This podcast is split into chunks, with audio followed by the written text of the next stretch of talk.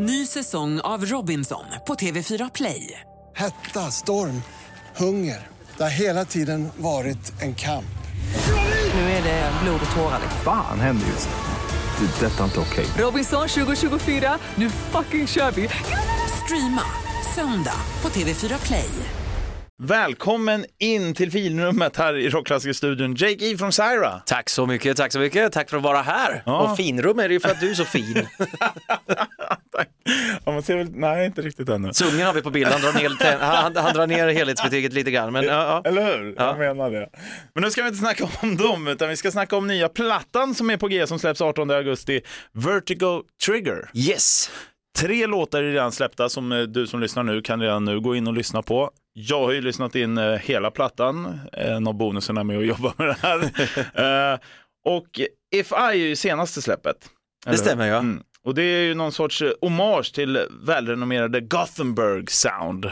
Exakt, det började, hela historien bakom den låten började med att eh, Oige Valovirta som är gitarrist i Syra, han har en ganska bra YouTube-kanal där han eh, gör lite allt möjligt, tips och tricks och sådär. Och så la han ut eh, eh, efter att fansen hade sagt, kan du inte göra någonting i stil av det här? Liksom? Så, så han gjorde en video, eh, How to make a song in the style of Gothenburg eller någonting sånt. Ja.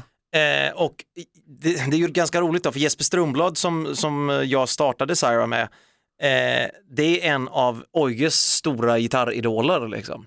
Eh, och de spelar ju samma band. Ja. Så, att, så att då blev det både en hommage till, till Göteborgs-soundet och eh, också till Jesper då. Så att det var, eh, det, var, det, det var en rolig låt att skriva liksom. Vad sa Jesper då om det? Ja, han, blev, han var ju också med på ett hörn sen, eh, sen naturligtvis, men eh, det var ju det var Ojes låt från början och sen så klippte jag sönder den och så eh, tillade jag lite grejer och sen kom Jesper och tillade grejer och även Marcus. Så att, det, det, var, det var jätterolig låt att skriva och titeln säger ju ett och annat också, det är också en liten ordlek. Om du tänker på det. If I? Ja, vilket band är det som eh, har en förkortning som heter If? Ja, men det är ju eh, In Flames. Ja, precis. Och där startar ju Jesper sin karriär. Ja, och If I, eh, om vi var In Flames. Alltså, Ah. det är lite Fan, jag har tricky. tänkt till där Ja, alltså. visst vet du. Du, på tal om det, hur, hur skapar ni musik i, i bandet? Liksom, hur går skrivarprocessen till? Är alla med er, du och Jesper eller vad blir det? Det har varit lite annorlunda på olika plattor. Första plattan var det ju jag och Jesper som satt och gjorde 50-50. Eh, andra skivan så började jag göra mer eftersom eh, Jesper fick en liten sån setback och var tvungen att steppa tillbaka lite grann, eh, ta hand om sig själv. Och eh, det har även varit så lite grann på den här skivan också. Alla har varit med, men eh, det är jag som är kapten på den här båten. Ja. Eh, lite mer, li, li, li, lite, lite så. Så att eh, alla har varit med, men jag har väl varit den som har varit den drivande faktorn i och också någon slags, vad ska man kalla det, Diktatori, diktatorisk demokrati lite grann. Att eh, alla får vara med, men jag bestämmer. Eh, makes sense, jag vet inte. Ja, jo, Ja. det gör det absolut. Så, så om du och Jesper inte är överens om någon text så säger du bara, men jag är kapitano eller? Jesper är lite annorlunda för Jesper har alltid ett kort, eller ett S i rockärmen och det är alltid, han tittar alltid på mig djupt in i ögonen och säger han så här hur många grammisar har du? eh, och då säger jag, jag har inte fått någon grammis än, jag har bara nomina- nomineringar. Och då säger han, då gör vi på mitt sätt. Ja, den, den, är, den är bra i och för sig. Men... Ja. Eh, jag tänkte på det, för du växte själv upp i Mariestad va? Yes. Hur var musikscenen där? Punk, eh, punk eh, och eh, lite punk. Ja. Det var, det, det, var, det var en fantastisk underground-scen i Mariestad. Eh, vi har ju band som Cosa Nostra, Asta Kask, eh, Wolfpack, eller som de senare blev, The Wolf Brigade tror jag de fick döpa om sig eh, till. Men, och många andra sådana un- underground-band som jag inte vet vilka de är, men som jag vet är stora i eh, punkkretsar. Liksom. Eh, tyvärr så var Mariestad då, när jag bodde där, eh, kommunalpolitiskt helt totalt kört. Liksom. Det var ingen som la pengar på den biten utan skulle man lära sig musik då fick man gå till kommunala musikskolan. Liksom. Nu tror jag att det har blivit mycket, mycket bättre. Det var en politiker som jag tyvärr inte kommer ihåg vad han heter nu, men han kämpade väldigt, väldigt hårt för detta så att det skulle finnas ett ställe som eh, man kunde repa på och eh, sådär. Men man fick kämpa för det. Mm. Ja. Eh, men det, det, var, det var ju väldigt lärorikt att man hade de här eh, Bonnie Bjurén och de här, eh, eh, vad, heter, vad heter han? Nu tror jag blandar ihop dem, men Bonnie i alla fall, sångaren i Asta Kask, han hade ju varit ute och sett världen och de hade ju varit på turnéer och man såg upp till de här, liksom, det där vill jag också göra någon dag. Sådär. Så det var, det, det var häftigt. Jag fattar det. Eh, du nämnde ju lilla eh, Ify-grejen där med In Flames. Jag hade faktiskt Anders Fridén här förra veckan och då snackade vi om tape trading. Men det känns som att det var lite före både din och min tid, eller hur? Eller sysslar du med det? Jag gjorde inte det. Jag vet att Jesper som är några år äldre än mig, eh, ja, förklarar jag själv då också, eh, gammal vän med eh, Anders såklart, eh, sysslade mycket med det och skickade massor med grejer fram och tillbaka. Jag hade mina morbröder, de var eh, record collectors eh, och de hade allt. Så att de, varje vecka tror jag, så kom det alltid när de kom förbi, så var det alltid en ny kassett med nya skivor som de hade eh, vet du det, eh, satt ihop till mig, då, så blandband. Liksom. Ja. Så att, ehm, där, där i, därav fick jag all min ny, nya musik när jag var liksom i tioårsåldern. Så det var häftigt. Just ja, man gjorde ju så här eh, blandband till eh, sina flickvänner där när man var yngre och sånt också. Jag undrar om man nu gör playlists istället på Spotify. Jag vet inte. Jag vet inte. Till Anna. Exakt. Eller vad det nu kan vara. Jag hade inga tjejer då, jag, jag, jag, jag träffade en tjej som sen blev min fru så att jag, jag, det är hon som gör playlist åt mig. Det är hon som, Exakt. Det, här är ju faktiskt en, eh, alltså er mörkaste platta hittills får man väl säga, eller håller du med om det? Textmässigt är det nog absolut det, fast samtidigt, det beror lite på hur man ser det. Första plattan handlade ju otroligt mycket om hur Jesper har mått mm, genom åren och vad han har gått igenom och eh, där intervjuade jag ju honom mer eller mindre och liksom verkligen psykologsamtal pratade om hur han mådde och hur han hade mått och allting sånt där. Och det är därför första plattan heter Letters to myself. Eh, för att alla låtar har en historia, eh, ett kapitel i en bok kan man säga. Eh, Medan den här skivan var jag ju lite mer ensam om att eh, skriva eftersom vi, vi producerade plattan själv men det var ju under pandemin. Eh, så jag satt ju i min studio i Göteborg, eh, Oige satt i sin studio i Schweiz, Marcus var i Stockholm, vi träffade ju varandra inte på två år liksom. men vi skickade ju saker, så tape trading då för att man skickar, skickar låtidéer till varandra. Liksom sådär.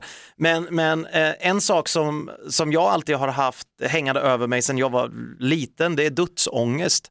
Eh, och det är något som har kommit i vågor till mig. Alltså ibland så har det varit fruktansvärt, ibland har jag totalt, det har inte existerat och sen kommer det igen och sen kom pandemin och när man inte kan fokusera på massa andra grejer, jag är en sån person som har 10 000 bollar i luften hela tiden.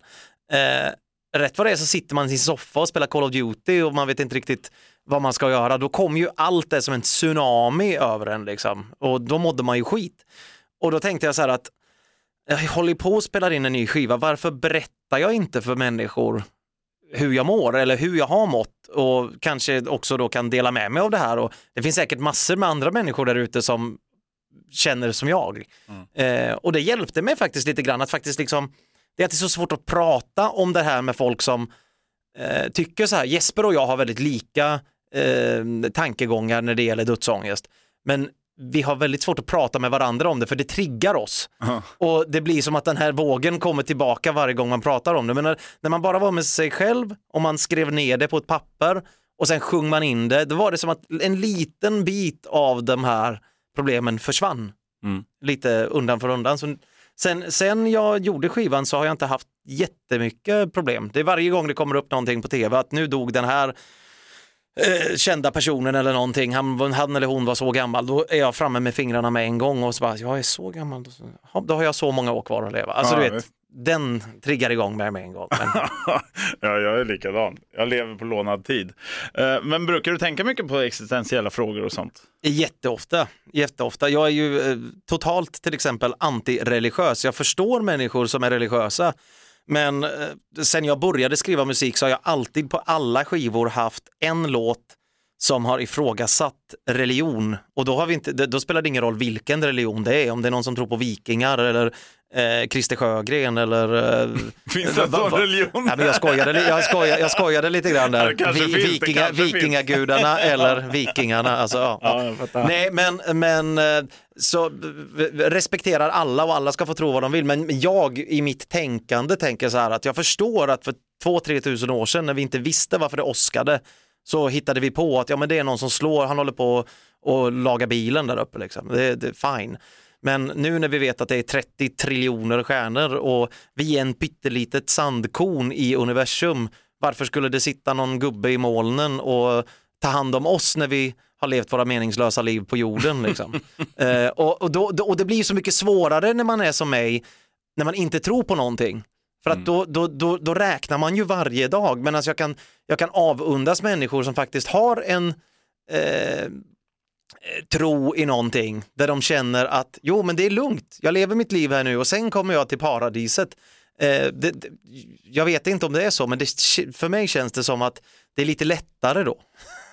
Ja men det blir det ju såklart. Eh, men sen finns det ju många, alltså ett svart hål, vad är det? Liksom? Vill du att jag förklarar? Ja, ja gärna.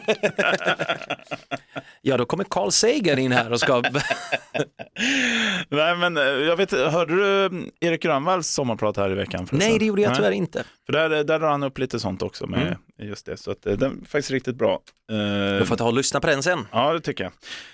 Eh, en låt på plattan heter ju också Fear of missing out. Det är någonting jag lider extremt av, alltså så kallad FOMO. Yes. Ehm, extrem FOMO. Jag försöker bli bättre på det där att eh, men, men man missar ju om man inte är med.